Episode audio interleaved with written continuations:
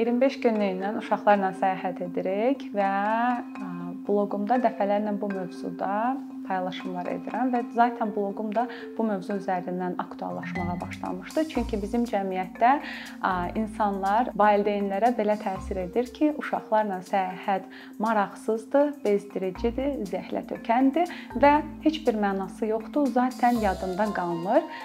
Biz isə ailə olaraq bunun tam əksini sübut etməyə çalışdıq.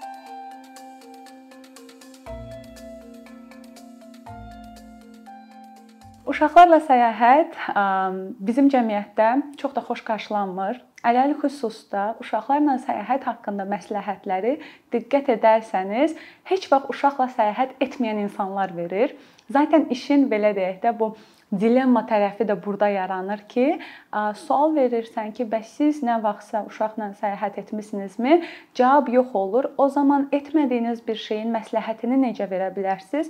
Aldığınız cavab olur ki, evdə başıma oyun açan uşaq mənə çöldə nələr eləməz? Tamam, Bunu o zaman gəlin biraz daha dərindən araşdıraq ki, niyə sizin başınıza evdə oyun açır və çöldə siz niyə belə fikirləşirsiniz? Çünki bizim cəmiyyətdə belə bir belə deyək də stereotip deyərdim mən buna. Stereotip var ki, uşaq çölə çıxmamalıdır. Uşaq bəlli bir müddət körpədən söhbət gedir burada. Körpə bəlli bir müddət qapalı mühitdə qalmalıdır və buna inanılır ki, daha sonrasında məsəl üçün 6-7 ayından sonra körpəni mən cəmiyyətə çıxardacağam və o mənim kimi normal reaksiya verməlidir. Belə olanda mən hər zaman soruşuram ki, ilk təyyarəyə minəndə reaksiyanız necə idi? Məndə məsəl üçün belə wow, o pəncərəsinə baxırdım, bu yerinə baxırdım, o düyməsinə baxırdım və mənə çox maraqlı gəlirdi. Çünki heç vaxt olmadığım bir mühit idi. Və mən sadəcə böyüyəm deyə, özümü kontrol edə bilirəm deyə o wow-mu içimdə yaşayırdım. Ola bilər ki, bir-iki səs çölək də verirdim. Amma bir də düşünün ki, hisslərini kontrol edə bilməyən bir körpə var və onun sizlə ünsiyyət şəkli sadəcə ağlamaqdır və bu körpə ağlamaqla sizə hisslərini biruzə verir. Təbii ki, heç vaxt olmadığı bir mühitdə o körpə ağlayacaq. Təbii ki, o körpə narahat olacaq və siz O ağladı, axı evdə belə değildi. O narahat oldu, axı evdə belə değildi. Fikirləri ilə artıq başlayacaqsınız narahat olmağa. Normalda körpənizi anlayırsınızsa, o tələskənlikdə, o həyəcanında artıq körpənizi anlamayacaqsınız və tələsəcəksiniz. Hələ bunun üzərinə kənardan baxan gözlər də əlavə olunanda siz tamamilə çaşbaş qalacaqsınız və deyəcəksiniz, "A, okey, deməli mənim körpəm çölə hələ hazır deyil, ictimai mühitə hələ hazır deyil." Amma mənim iki körpəmdə yaşadığım nə oldu? Biz 25 günlüklə səyahət edirik və elə ilk günlərindən də körpələrimi açıq havada gəzdirmişəm. Gündəlik olaraq 3 saat, 4 saat açıq havada olublar yetəri qədər və cəmiyyət içərisinə, cəmiyyətə çox tez qarışıblar. Cəmiyyətə çox tez qarışdıqları üçün, çox insan gördükləri üçün hal-hazırda 4 və 6 yaşlarında olmalarına baxmayaraq yetəri qədər sosial və ətraf mühitdə özünü deyək ki, kafesi olsun, restoranı olsun, oteli olsun, hovuzu olsun, molu olsun, necə aparmalıdır, necə idarə etməlidir? Mənim hər hansı bir müdaxiləmə artıq ehtiyac belə qalmır.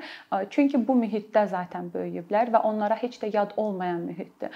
Bir də var ki, təsəvvür eləyin ki, heç vaxt bu mühiti görməyən uşağı bir də bu mühitə salırıq və uşaqdan belə deyək də bizim kimi davranmasını istəyirik, uşaqdan sakit olmasını istəyirik. Bu mümkün deyil sadəcə. Yəni ən azından bir yerdə biz deyirlər özünü başqasının ayaqqabısının yer ayaqqabısına qoymaq. Yəni ən azından bir yerdə biz özümüzü həmin insanın yerinə qoymalıyıq. O uşağın yerinə qoymalıyıq ki, bəs biz ilk dəfə bu mühitə düşsəydik, özümüzü necə aparardıq?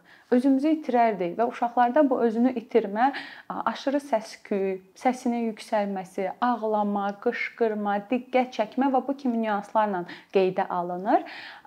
Uşaqlarla səyahətin ən gözəl tərəflərindən biri odur ki, o deyirlər, dostu, deyirlər, qardaşın necə biridir? Deyir, yol yoldaşı olmamışam, bilmirəm. Ən gözəl tərəfi odur ki, siz yolda uşağınızı sıfırdan kəşf edirsiniz. Çünki ev şəraitində, və yaxud da ki, deyək ki, bağçaya gedərkən və yaxud da ki, hansısa bir qohuma, qonşuya gedərkən və yaxud da sadəcə gəzməyə gedərkən çox da ciddi bir proseslərlə qarşılaşmırsınız əslində. Amma səyahət zamanı o qədər fərqli, maraqlı, gündəlik rutindən uzaq bir proseslərlə qarşılaşırsınız ki, siz artıq uşağınızı bir növ dərindən öyrənmiş olursunuz ki, hansı hallarda, hansı situasiyalara necə reaksiya verə bilər və siz bunun qarşısını necə ala bilərsiniz və yaxud da ona necə dəstək ola bilərsiniz bu mövzuda və yaxud da ki, onun özünün inkişaf prosesində özü necə cavab verə bilər, onu görmüş olursunuz. Bizim səyahətlərimizin ən çox üstünlüyündə durur hikinqlər, yəni bu dağa dırmanmadır, bu meşəyə yürüşlərdir və s. və Bu proses zamanı, məsəl üçün artıq bəlli bir yaşa gəliblər. Gördüyüm və mənə ən çox həzz verən nüans odur ki, biz uzun məsafələrdə, uzun piyada məsafələrdə heç bir halda əziyyət çəkmirik. Qucağa al davaları olmur, yoruldum davaları olmur. Bəli, bəlli bir məsafədən sonra yoruldum olur, amma onda da qucaq davası əvəzinə biraz oturaq, orada oturaq, burada oturaq kimi müzakirələr başlayır və bu sənə bir yerdə həzz verir ki, yes, istədiyim uşaq tipi tam da budur. Şikayətsiz, problemsiz, ağlamasız, nə istədiyini açıq şəkildə deyə bilən bir uşaq.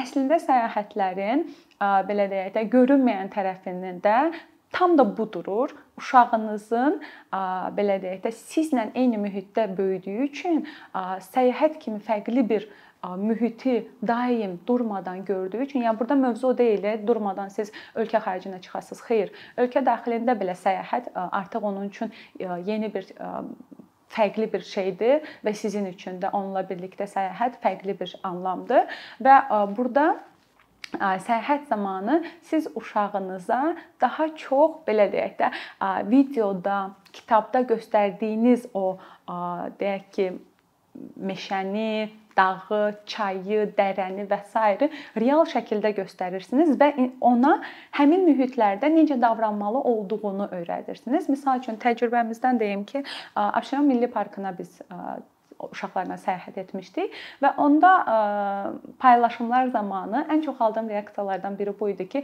uşağın çöllükdə nə işi var və yaxud da ki, çöllükdə niyə uşağa maraqlı olsun? Amma bizim yanaşmamız bu idi ki, uşaq çöllükdə olarsa, və yaxud da nə vaxtsa çöllüyə düşərsə, özünü orada necə aparmalıdır?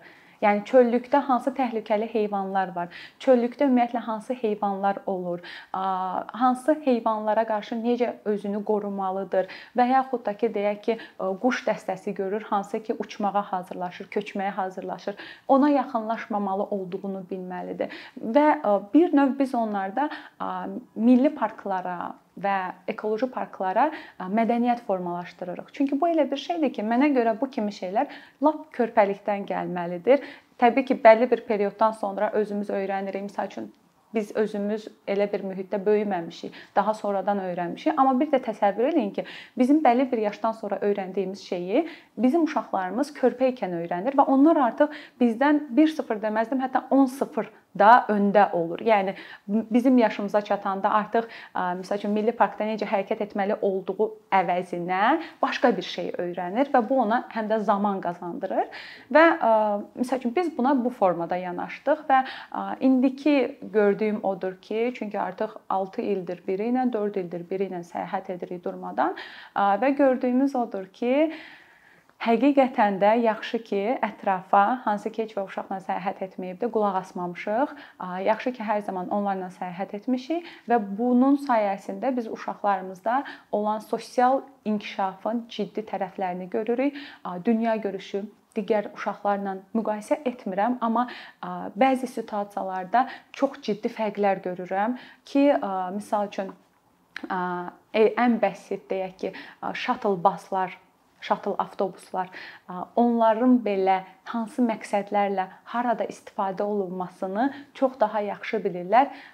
Həmin vaxtdakı öz dostları hələ şatılbaz sözünü başa düşməyə çalışarkən, yəni bu nüans belə çox ciddi fərqdir bu kateqoriyada yaşdakı uşaqlar üçün və bu çox fərqli bir duyğudur əslində. Çünki başa düşürsən ki, sənə illərdir sən hər səyahətə çıxanda lazımsızdır, lazım deyil və sair kimi deyilən sözlərin necə bir boş e, şar olduğunu görürsən. Çünki əslində necə lazımlı imiş, necə lazımdır və uşaqlarda bu necə ciddi inkişafa gətirib fokuslayır, onu görmüş olursan. Amma burada belə bir sual çıxır ki, bəs uşaqlarla səyahətə çıxarkən biz nələrə diqqət etməliyik? Təbii ki, siz bir deyib ev mühitində olan uşağı bunun yaşdan heç bir fərqi yoxdur. Yəni mən burada uşaq dərkən 4 yaşa qədər nəzərdə tuturam. Əsas kaprizli dövrlərini nəzərdə tuturam. Təbii ki, siz bir deyib onunla səyahətə sıfırdan çıxa bilmərsiniz. Dediyim kimi, yəni uşağın həmin anda necə reaksiya verəcəyini təxmin belə elə bilmərsiniz və yaxud da ki, hansı belə deyək də havaya belə həssaslıq göstərə bilər, mühitə belə həssaslıq göstərə bilər və yaxud da ki, bəlkə də bu mühitdə deyək ki, olduğumuz Bakıda heç vaxt allergiyası olmayan uşaq meşəyə gedər və qəribə bir şeyə, ən, ən bəsiti hər hansı bir yarpağa belə allergiyası ola bilər və sizi orada kör peşman edib qayıda bilər. Bunun üçün asta-asta başlamaq daha tövsiyə olunur. Yəni misal üçün, əgər əvvəl sadəcə həyətə düşürdünüzsə, Ancaq bu dəfə milli parklara, Bakı daxilindəki milli parklara gedə bilərsiniz ki, kəşf edin övladınıza ki, Bakı daxilində belə nə mən nə nəzərdə tuturam, rahatlıqla xəstəxanaya gedə biləcəyiniz, rahatlıqla tez bazar evinizə qayıda biləcəyiniz bir mühitdə belə fərqli atmosferə düşərsə övladınız, nə kimi situasiyalarla qarşılaşa bilərsiniz, nə kimi avadanlıqlar, nə kimi əşyalar sizə lazım ola bilər və bunları analiz eləyə-eləyə övladınızı nəinki ölkə daxili uzaq səfərlərə, eyni zamanda da ölkə xarici səfərlərə də hazırlaya bilərsiniz. Yenə burada qızıl söz və açar söz övladınızı adaptasiya etməkdir məqsəd ki, bir deyib övladınız həmin mühitə düşməmiş olsun. Təbii ki, burada uşaqdan uşağa da fərq var.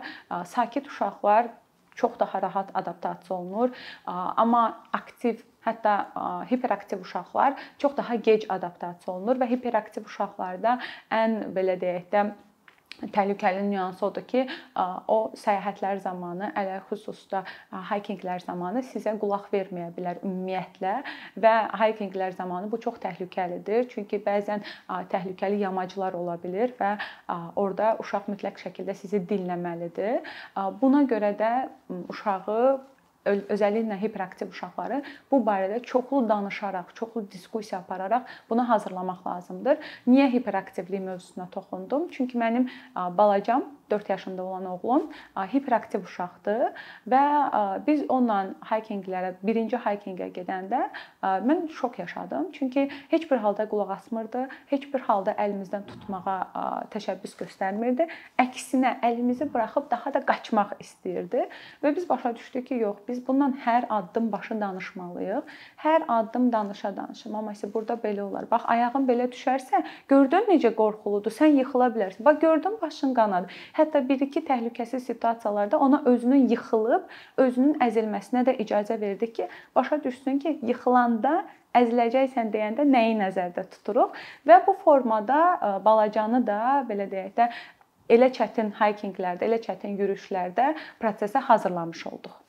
Uşaqlarla səyahətdə ən təhlükəli və çətin səyahət yaş dövrü deyərdim ki, iməkləmə dövrüdür və yeni yeriməyə başlama dövrüdür. Bu hardasa uşaqdan asılı olaraq 7 ayla 12-14 ay arası deməkdir. 7-14 ay arası dövr uşaqlarla səyahətdə ən çətin dövrdür. Buna səbəb isə uşaq ya durmadan iməkləmək istəyir, ya da durmadan yeni addımlar atmaq istəyir və təbii ki, səyahətdə biz çox aktivik, ora getmək istəyirik, buna baxmaq istəyirik, ona baxmaq istəyirik və bu biraz mümkün olmur.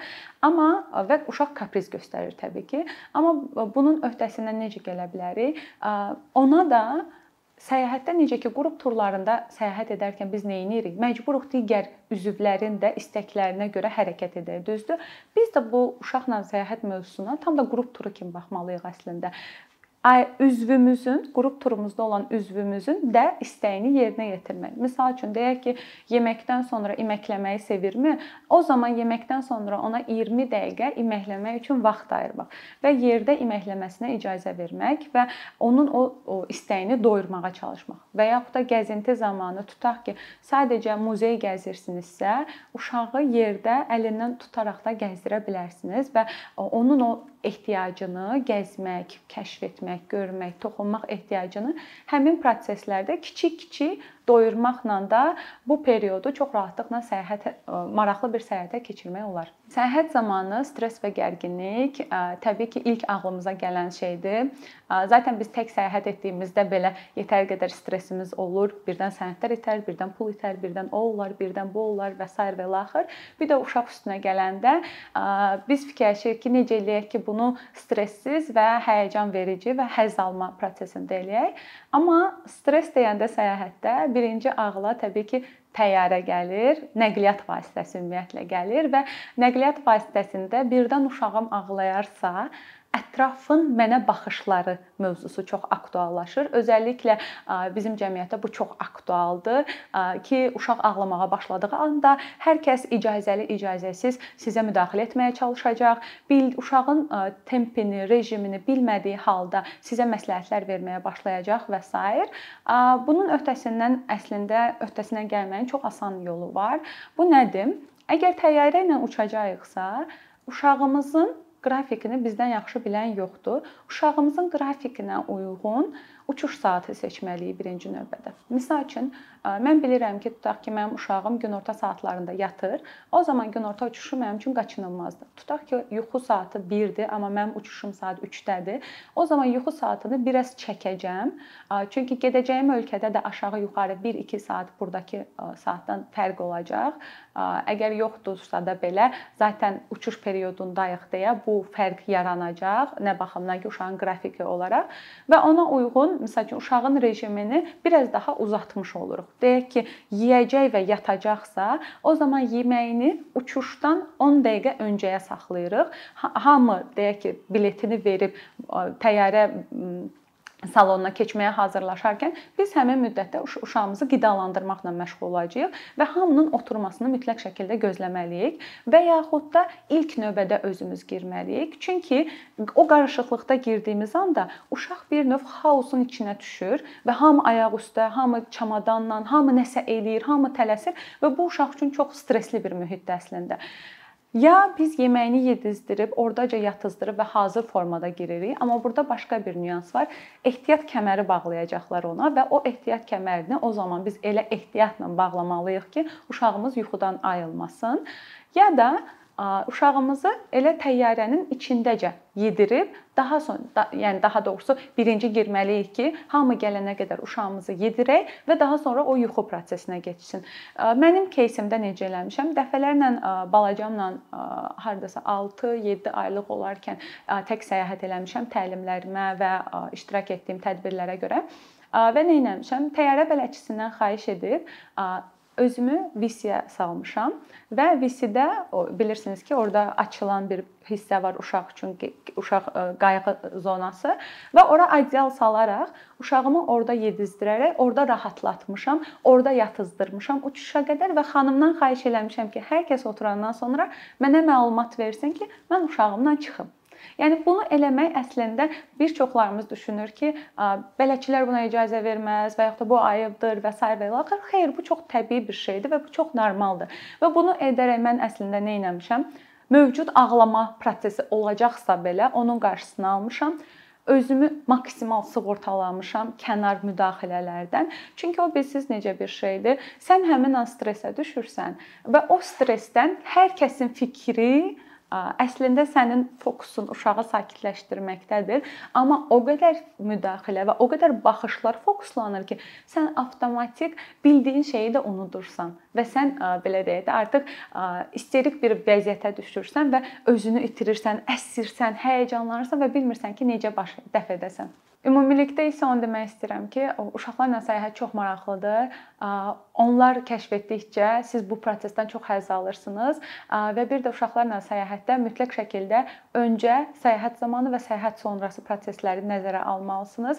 Belə ki, siz onu səyahətə hazırlamalısınız, səyahət zamanı çox danışmalısınız və səyahətdən sonra da xatırlatmalar etməlisiniz ki, uşaq bunu unutmasın ki, uşaqlar bunu unutmur. 6 yaşındakı oğlum 2 yaşındakı səyahətindən elə detallar danışır ki, bəzən biz şoka düşürük ki, yəni bizə görə bunu xatırlaması mümkün deyil, amma o xatırlayır.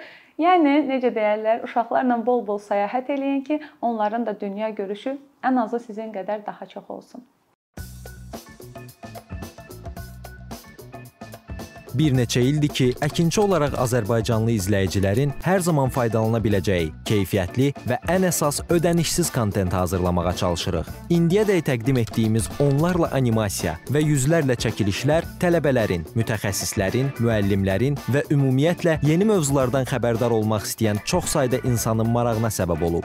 Bu illər ərzində hazırladığımız videolar təhsil, texnologiya, ictimai fəallıq, iqtisadiyyat, gender bərabərliyi, ətraf mühit, ifadə ifadə azadlığı, hüquq, demokratik inkişaf, mədəniyyət və digər mövzuları əhatə edib. Məqsədimiz çoxlu baxış gətirən deyil, çoxlu fayda gətirən videolar hazırlamaqdır. Amma bu düşündüyümüz qədər asan deyilmiş. Gördüyümüz iş kifayət qədər resurs, əmək və təbii ki, davamlılıq tələb edir. Bu səbəbdən Patreon platformasından istifadəyə başladıq. Əkinçinin Patreon hesabının populyarlaşmasına çox böyük ümidlərimiz və gözləntilərimiz var. Bəziləriniz Patreon haqqında ilk dəfə eşidirsiniz. Əslində çox sadə izahı olan bir platformadır. Təsəvvür edin ki, siz rəssam və ya musiqiçisiz. Sosial şəbəkələrdə sizi izləyən, işinizi bəyənən çox sayda insan var. Patreon platforması sizə imkan verir ki, izləyicilərinizin könüllü aylıq ödənişləri sayəsində işinizi davam etdirəsiniz. Sərgi, konsert zallarından asılı qalmayasınız. Amma bu təkcə rəssam və musiqiçilərə aid deyil. Məsələn, əkinçiyə bənzər fəaliyyətlə məşğul olan bəzi layihələrin 10 minlərlə patronu var. Biz də düşündük ki, nə üçün əkinçinin Patreon hesabı olmasın? Sizin dəstəyiniz sayəsində biz daha çox və daha keyfiyyətli kontent yaratmağa davam edə biləcəyik. Amma bu dəstək yalnız maddi dəstək deyil. Dəstəkçilərimizin sayının artması gördüyümüz işlərin faydalı olduğuna dair əminlik verir. Patreon platformasından istifadə çox sadədir. Hesabınızı açırsınız, sizə uyğun dəstək növünü seçirsiniz və Patreon özü hər ayın ilk günü kartınızdan seçdiyiniz dəstək növünə uyğun ödəniş tutur. Bu qədər.